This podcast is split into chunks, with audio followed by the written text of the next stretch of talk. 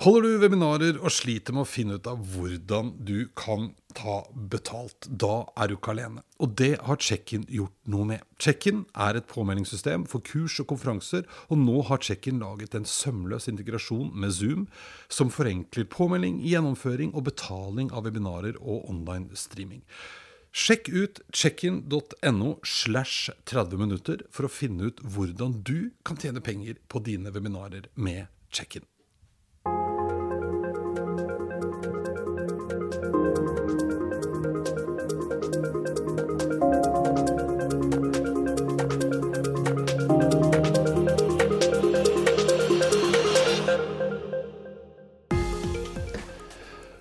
Det er ikke så forferdelig mange år siden det å jobbe hvor som helst ikke var bare bare. Det var mobiloppkobling og ISDN-linjer, og det kosta skjorta for litt surfing i sneglefart. Nå er det blitt vanlig.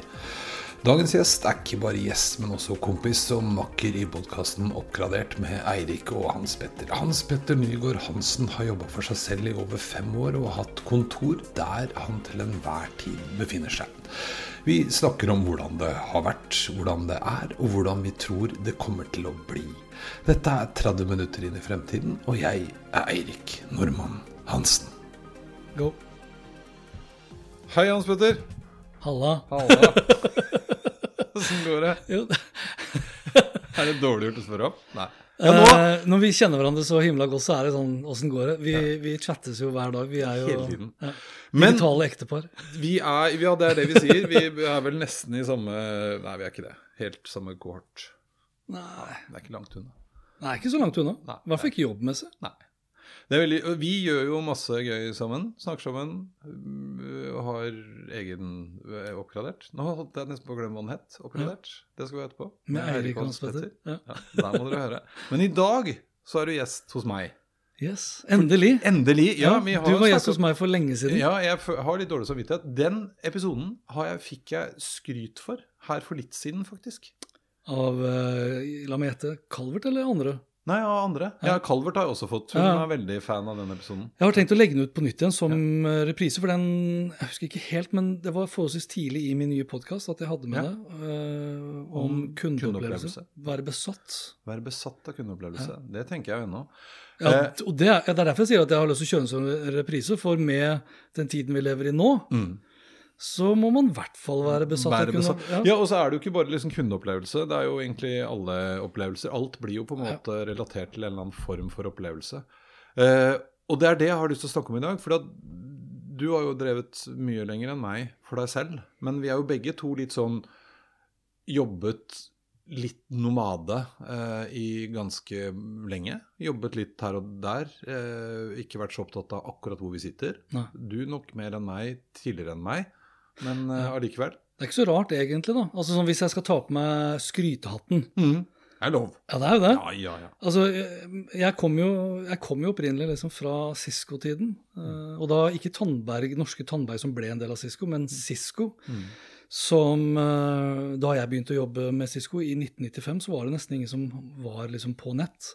Så jeg har jo flydd liksom rundt land og strand i flere år og fått da liksom bedrifter til å investere i Cisco-bokser som har gjort oss online. Ja. Så jeg har jo sånn sett Jeg har ikke gravd grøfter og skutt satellitter osv.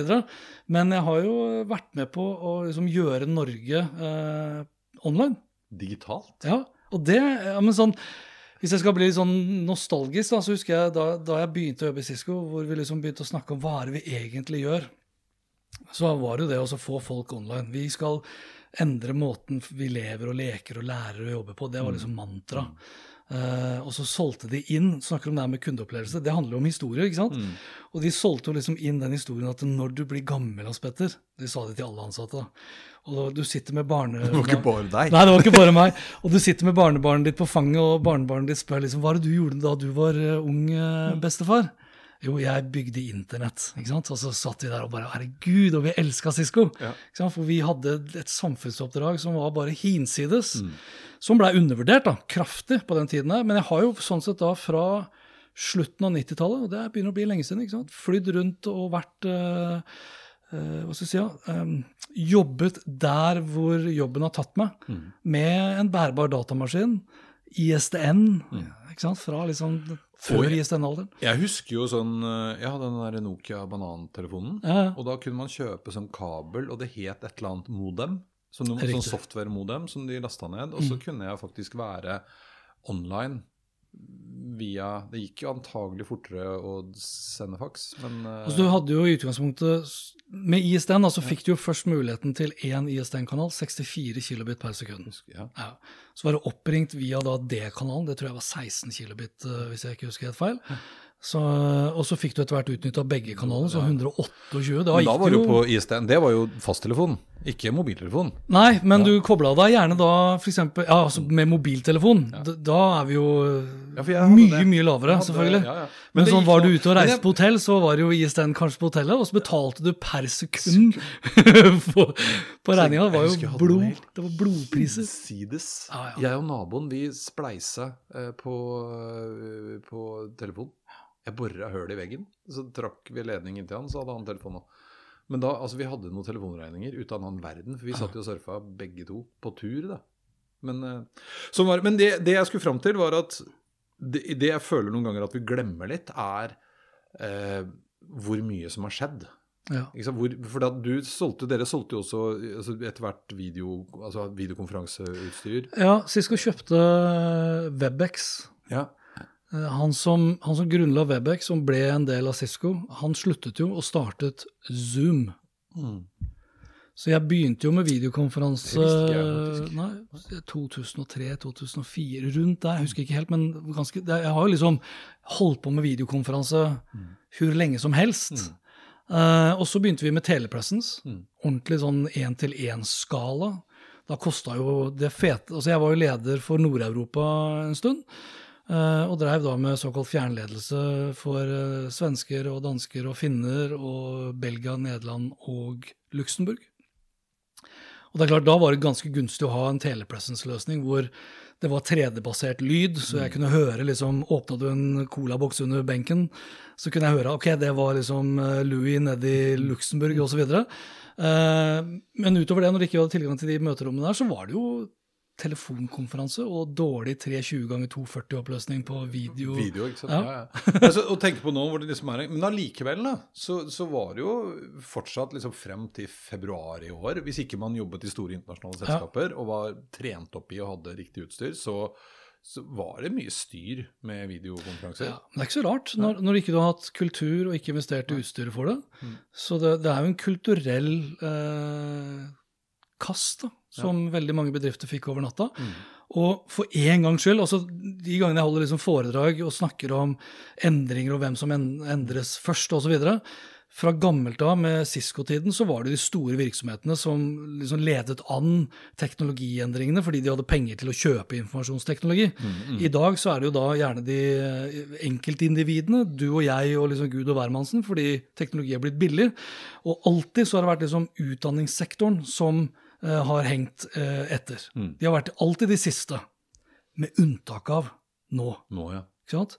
Altså jeg får frysninger når jeg snakker om det, men så raskt det gikk fra at skolen stengte til 13. mars, var det vel, mm. til eh, liksom lærere satt hjemme land og strand og ringte til elevene.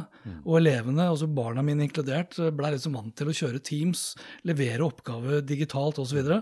Det var eh, imponerende. Imponerende. Ja, nei, Jeg er helt enig. Men jeg, jeg syns jo også man så litt det samme i, i jobbsammenheng. da, ikke sant? Hvor folk over natta ja. nærmest ble Og jeg sa jo tvunget, vi ble sånn sjokkdigitalisert hele gjengen. Ja. Men dette her er jo mitt favorittbegrep, da, ikke sant? hyperadopsjon. Som plutselig, når noe Som du sa, vi hadde ikke kulturen. Det var egentlig ikke noe behov. Jeg dro heller til Bergen, eller vi tok heller det møtet, eller flytta Mm. litt på det og tok det til uka, når alle kunne allikevel. Mens nå var det plutselig nødvendig. Det var veldig, ble brått veldig verdifullt å mestre video. Ja. Da adopterer vi jo ny teknologi fordi nytteverdien er høy. Ja, så, og så klarte jo hele Norge, hvis vi holder oss til Norge, da Vi klarte å romantisere hele dette forholdet med eh, å snakke med hverandre på, på video. Ja. Eh, Så du, du kjørte dine peisseanser.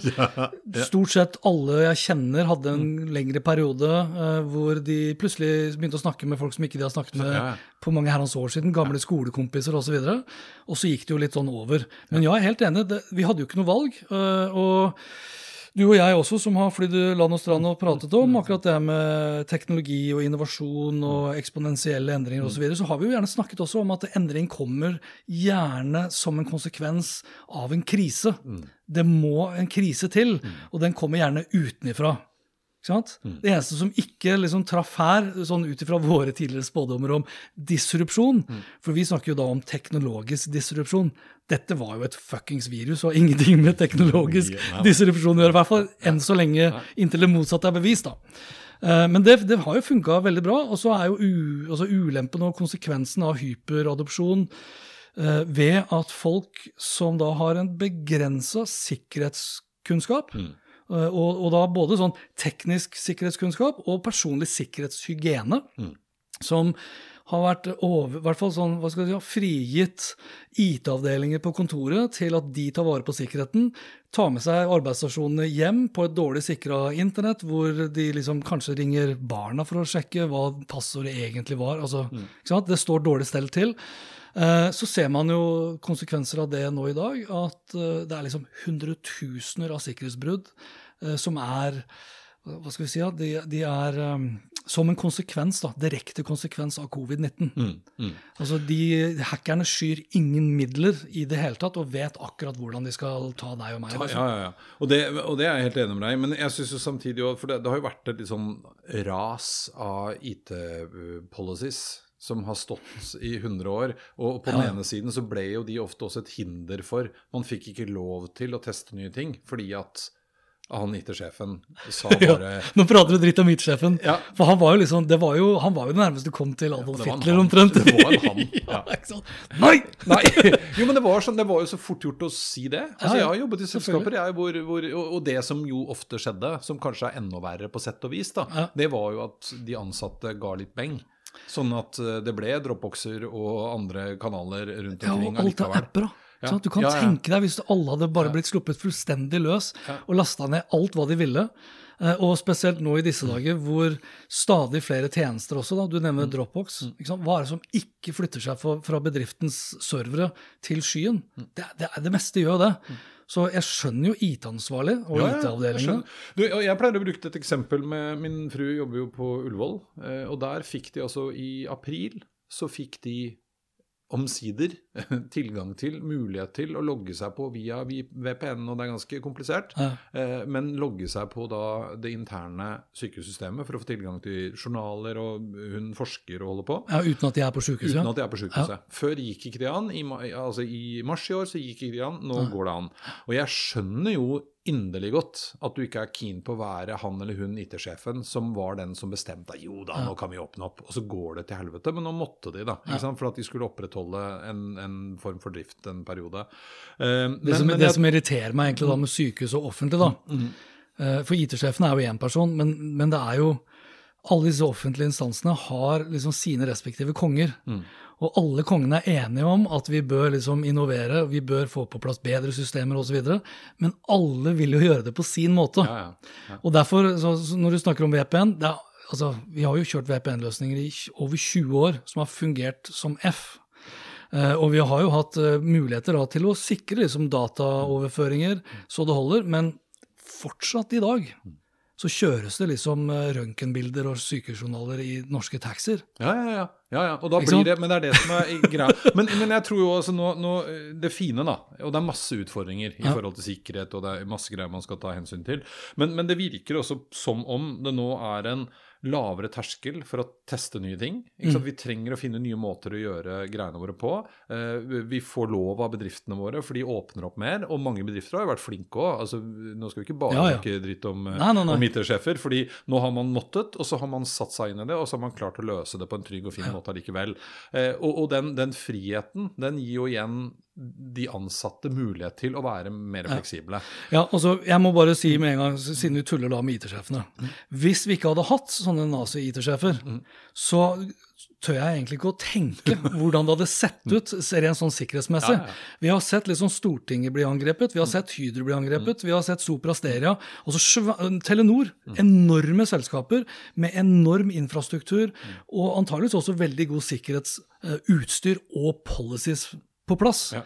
Allikevel så blir de da eh, utsatt for slike angrep, som i nesten alle tilfeller handler om at ansatte klikker på lenker på e-poster som ikke de burde klikke på, Ja. som installerer da ondsk, altså, det, ondsinna programkode, som igjen da sier at eh, du må betale i bitcoin sant, for å få løse Men det er jo det som er litt trist. At, at altså Den fortsatt langt, langt opp på lista over uh, måter hackere kommer seg inn på, er jo gjennom ganske simple, enkle varianter. Det er litt sånn ringe opp og si 'hei, jeg er fra IT-avdelingen, hva er passordet ditt?' Og de får det jo. Ja, ja. Ikke sant? Og som du sier, sende med Altså, vi gjør jo dumme ting. Så selv om bedriften har investert millioner i sikkerhetsting, så, så omgår vi det allikevel.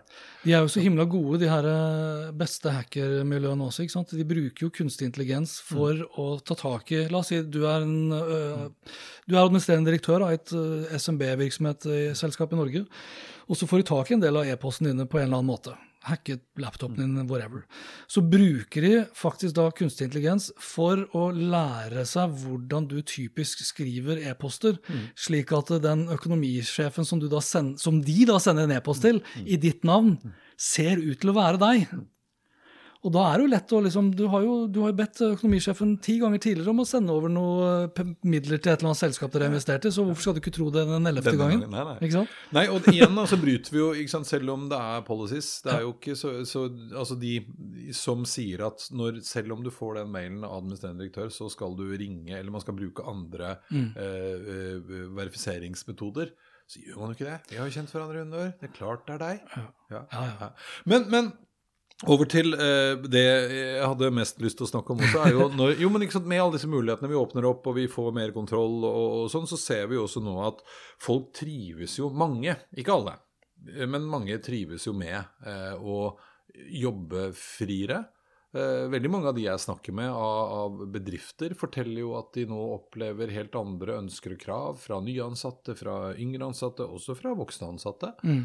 Eh, de har lyst til å bli sånn som vi har vært så heldige å få lov å være. da, og Ja. Rundt og holde på. Hva, hva, tenker du om det? Eh, Det var vel uunngåelig. Eh, Det ville jo på et eller annet tidspunkt Vi har jo snakket mye om, om det som kanskje var hemskoen da, da jeg begynte så smått å jobbe som litt sånn nomadisk. Da Da var det jo liksom begrensa hastighet, eh, og sånn sett så fikk du ikke tilgang til så mange tjenester, og du kunne ikke jobbe så effektivt osv. Du kunne jo jeg husker Det mest effektive var vel egentlig å svare på e-poster mens du var offline. Og så logget du deg på for å sende e-posten og laste ned, og så kobla du deg av igjen. ikke sant? Mens nå er det jo online 24-7 uh, i hvilken som helst eh, sammenheng, uh, og bortimot hvor som helst. Og det jo, Vi ser jo liksom enkelte av de som jobber sammen med oss som foredragsholdere, òg, de har jo nok å gjøre med å snakke med ledere om hvordan de skal være gode fjernledere. Eh, på den ene siden så, så er jo det kjempebra. Eh, på den andre siden så, må, så fordrer jo det også at du og jeg som ansatt i et selskap hvor du da jobber mer og mer fritt, da, hjemme eller på hytta eller i båten eller whatever, som krever jo det ganske stor grad av selvdisiplin og gjerne da også selvledelse. Og de som sier at de trives veldig godt hjemme nå, de trives jo gjerne veldig godt med den friheten den lockdownen vi ser nå, er jo det motsatte av en frihet igjen. Da er det jo påtvunget. Og der ser man liksom det negative aspektet igjen. da. Vi vil gjerne velge å jobbe hjemme. Eh, Vi vil ikke bli tvunget til å jobbe hjemme. Nei. Nei, og det er jo en kjempeforskjell. Ja. Men jeg tenker også på det man så litt når det åpna litt opp på, var jo at det var veldig mange som ikke hadde så lyst til å komme tilbake Ja. til den vanlige jobben. Jo, men jeg hører nå, jeg snakket senest i dag med en som er leder, Ja. og som hun fortalte at eh, det hun hadde begynt å gjøre nå, for nå er det jo mørkere tider. Mm. ikke sant? Sånn at Nå har jeg plutselig mulighet til å utnytte litt når det er ly- altså Vanligvis så har jeg da dratt på jobben når det er mørkt, drar hjem når det er mørkt. Eh, og midt på dagen så sitter jeg i et eller annet møterom eller holder på med mine ting. Nå Mm. eh, valgte hun eh, å legge inn en time, halvannen midt på dagen hvor det var lyst. Kunne gå på tur med bikkje. Altså gjøre på en måte fritidsaktivitetene. For det er ikke noe problem for meg å sitte og jobbe litt utover. Eh, og, og det handler jo også litt om den selvledelsen. At vi får lov til, for det har jo også vært litt sånn styrt veldig etter leveranser og klokka og sånn. Vi får lov til, så lenge du leverer det du skal. Nei, Blåser det når du jobber? Tror du Altså, det er bra? Ja, jeg tror det. Ja. Eh, igjen så krever det jo det at du da er god til å lede deg selv. Mm. Uh, og det krever altså Det hjelper jo ikke at du er veldig god til å lede deg selv hvis du har en leder og en ledelse som ikke har den uh, interessen av å endre den kulturen. Mm. Så, for det er, ikke, altså, det er ikke så lenge siden eh, før covid-19, hvis du husker hun eh, hva heter hun? Melissa, var det? Hun som kom fra Google, som begynte i Yahoo. Hvor, hvor det var en periode nå, bare for å få år siden, hvor man sa at vi kutter ned, vi kutter ut alt som heter hjemmekontor. Du skal synes. Eh, og går du, spoler du enda noen år tilbake, så var det jo liksom klokke inn. Eh, og for at du skulle i det hele tatt kunne liksom gå opp i rangstigen, så var det viktig å komme på jobben før sjefen kom, Ja. og gå etter. etter, ja, ja. Ikke sant? Og, det, og det, vi er ikke i 90-tallet. Vi, er- ikke vi er ikke så langt tilbake i tid. Og det er klart, Kultur har en tendens til å sette seg i veggene. Og det er vanskelig å skape en kultur basert på tvang som kommer fra eksterne hold. For, for det er jo disrupsjon. Det fucker opp alt som er etablert. Og det krever at du har gjerne da litt sånn frisinna tankegang blant en del ledere som er godt karikert, eh, karikert som det helt motsatte. Ja.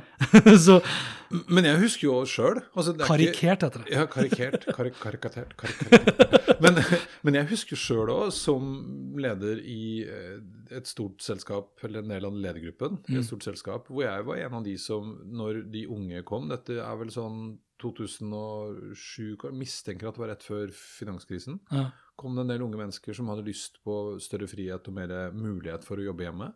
Og jeg var en av de som sa nei, det syns jeg ikke vi skal gjøre. Jeg stoler rett og slett ikke på at de gjør jobben.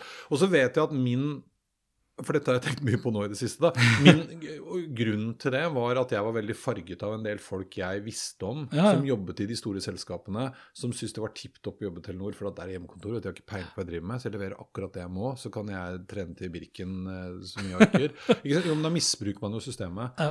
Men jeg føler jo at en av de tingene som kanskje har endra seg nå, er Før snakket vi om remote work eller hjemmekontor som noe man gjorde fordi du av en eller annen grunn var forhindret til å komme på kontoret. Altså Det var syke barn eller det var en rørlegger eller et eller annet som gjorde at du ikke kunne komme på kontoret. Nå er det, altså nå, Vi jobber uansett hvor vi er hen.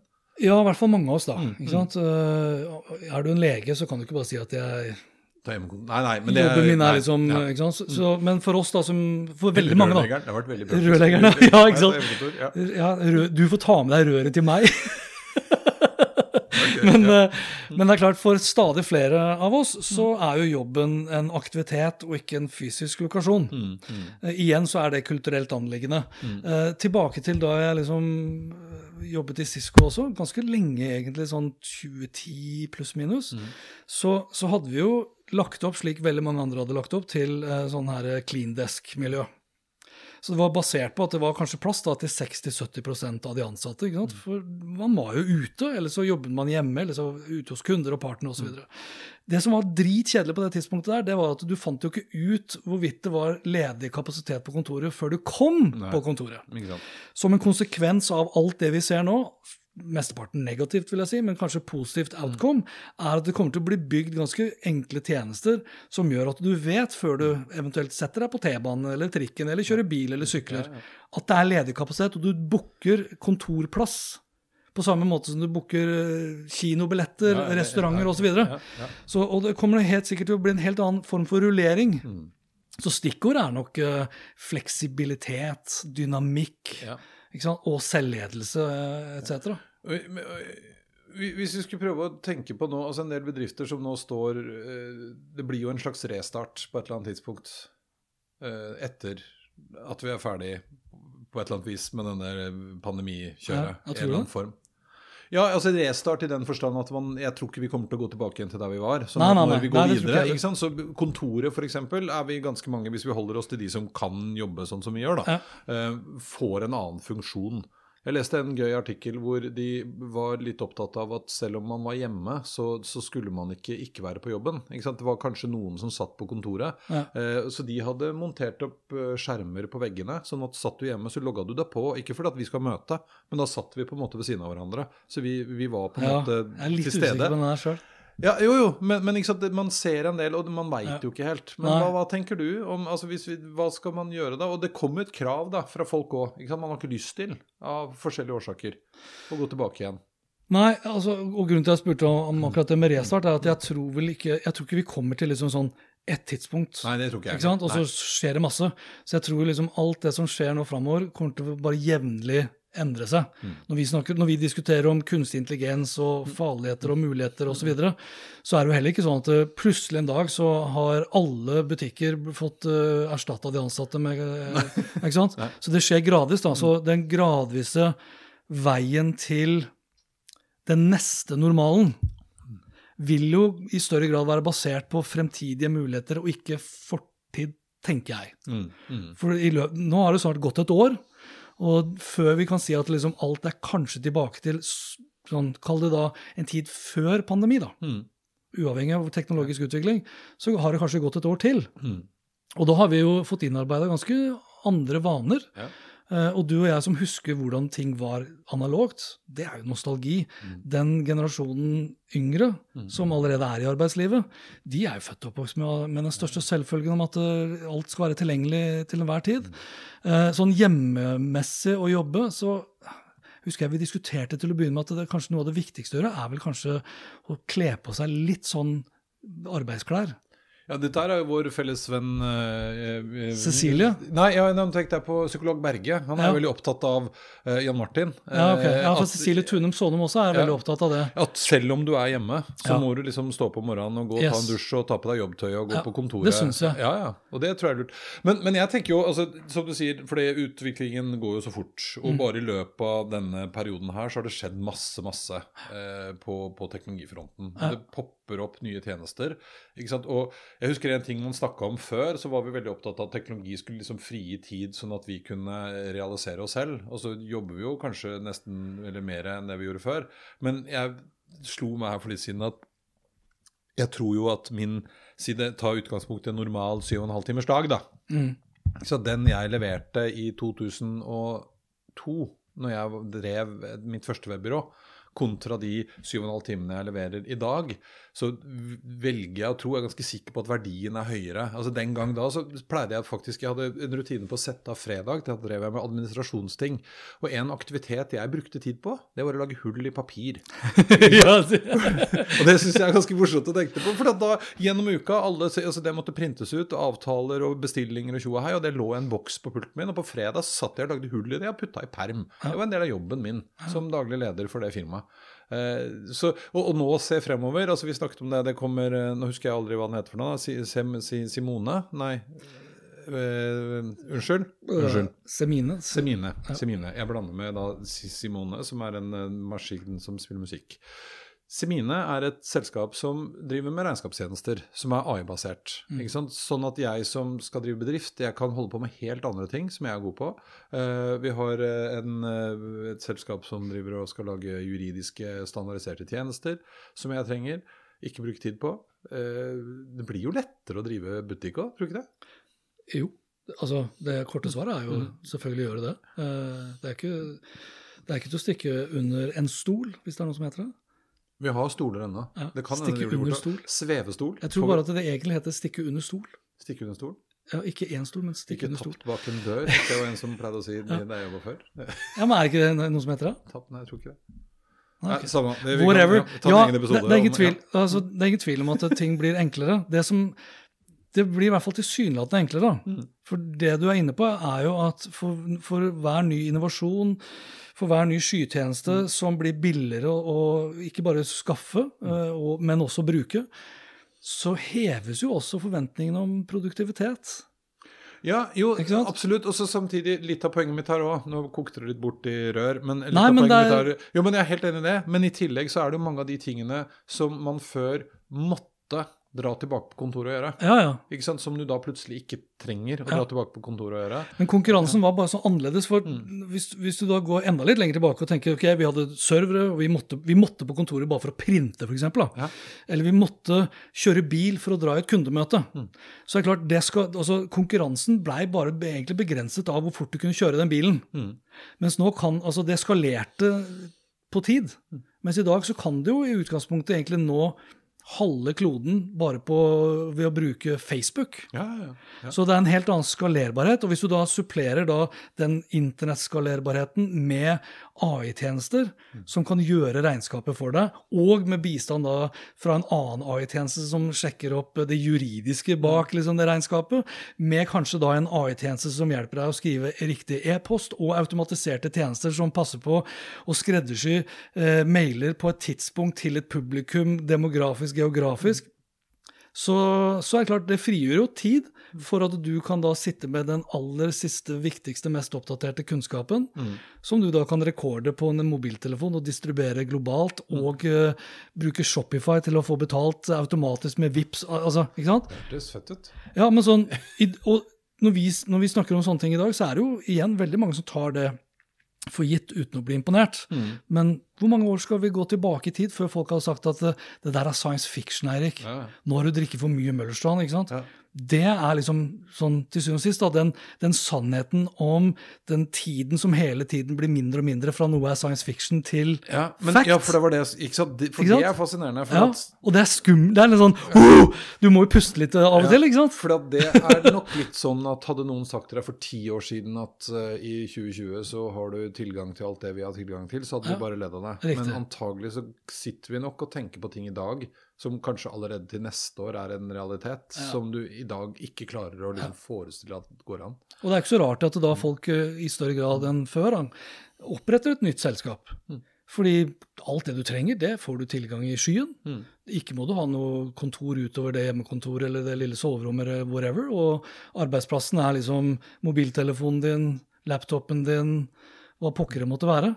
Eh, Og startkapitalen er jo ganske begrensa sammenligna med gamle dager også. Det er jo en ganske lett match, Ja. Men det er jo også flere og flere som tar til orde for at vi ser nå en, en tendens til at folk ikke er så opptatt av å ha den faste jobben på samme måte. Ikke sant? Man har lyst til å drive med litt forskjellige ting. Jeg kan være litt innleid hos deg og litt innleid hos meg, og så reiser jeg litt rundt, og så holder jeg på med mine ting, og så skal jeg gå på fjelltur en gang i uka. og ja.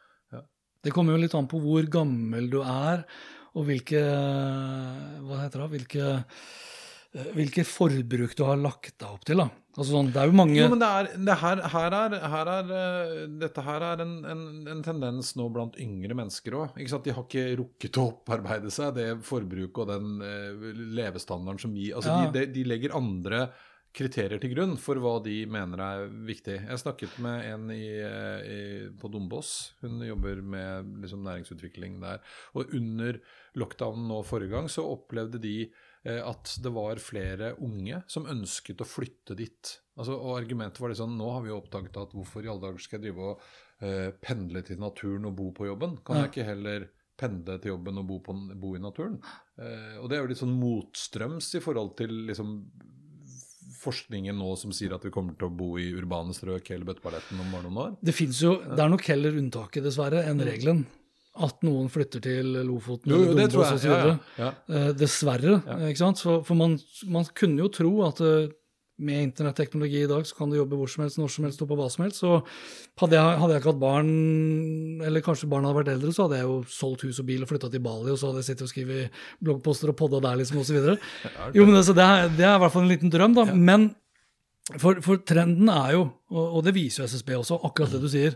Vi flytter dessverre i hopedal inn til de store Mm. Byene, og resten av landet forgubbes og gror igjen med trær. That's it. Uh, trend nummer to er jo at eh, Å, herregud, nå mista jeg sporet, så da må vi klippe vekk.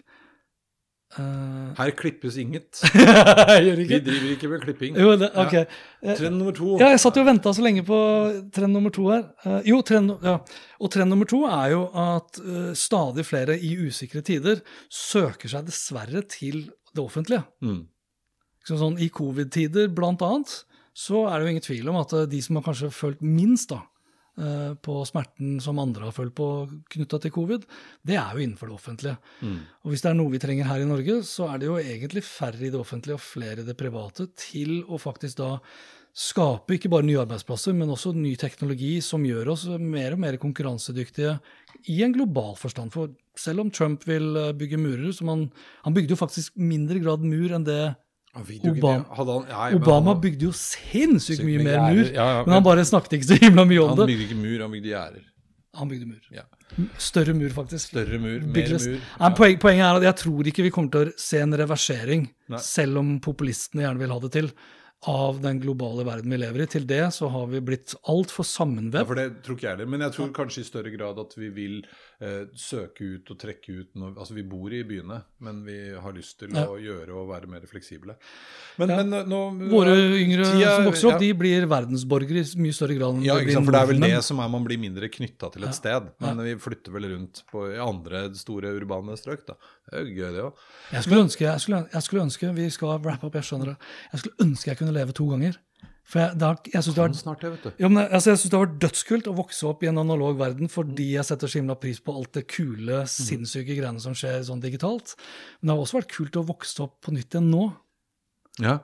Og være sånn blasert over all, all den rå teknologien. Ja, ja. Nei, det er sant. Jo, men det er jo litt det der argumentet med at Eller opplevelsen av at folk nå er ikke så opptatt av teknologi som det vi var. Altså Vi ble nok litt ikke sant? Ja, men du husker, Det var jo veldig mange, selv om ikke de var tech-nerds, så visste man ofte hvor rask prosessor du hadde på datamaskinen din Ja, på ja. 90-tallet. Det var det var jo fordi man måtte. fordi at hvis jeg skulle Den nye Office-pakka Å nei, vet du hva, jeg har ikke Pentium, så det går ikke. Uh, ikke sant? Mens nå veit jo ikke folk det. Altså, Man bryr seg ikke. Noen få gjør det. Du vet det, vet jeg. Ja, lag- men det er altså ja, men det er jo men interesse. Jo, men det er noe helt annet. Ja, men men det hvis vi hever blikket litt mer altså, Verden, kjempegøy, det vi, og vi har fått litt sånn digitalt sjokk, hele gjengen. Mm. Blir mer og mer fleksible. Hvordan ser det ut i 2030, tror du? Det er jo da ingen som vet, og det er jo det som er så avgjørende for bedrifters øh, evne til å overleve. Sant? Vi har jo prata kultur, er det ordet som har gått gjennom hele veien. Teknologien i seg selv blir jo en, kall det en enabler, da. Så det var også poenget mitt med at øh, jeg var veldig opptatt av CPU og prosessorkraft og det ene etter det andre. Det blir like interessant som å vite hvordan asfalt er bygd opp. For de aller fleste så er det totalt uinteressant. Jeg tror mye av uh, vår egen evne til å overleve og være konkurransedyktig i årene som kommer, er nok den kulturen som må myntes på nysgjerrighet, eksperimentering, tørre å feile, og ikke tenke liksom de som sitter på toppen, er alltid de som vet best. Nei. Så la, altså bygg en virksomhet som er distribuert, hvor ansatte ikke alltid er synlig fysisk, men hvor de ansatte også blir ikke bare i satt i stand til å drive egen selvledelse, men hvor kulturen eh, bygges, altså hvor kulturen motiverer til at de ansatte kan komme med svar på morgendagens utfordringer. Ja? Da blir det ganske kult og spennende å jobbe der, tror jeg. Ja, det, ja, det heier jeg på. Og du som leder, som toppsjef, må liksom innse at det er ikke fordi du er eldst, så er du ikke flinkest. Nei. Du skal legge til rette for at de er flinke folka rundt deg skal De beste fotballtrenerne er sjelden de beste fotballspillerne. Veldig, ikke sant? veldig sjelden, tror jeg. Kanskje de var det. Du, takk for besøket. Nå må du holde fred.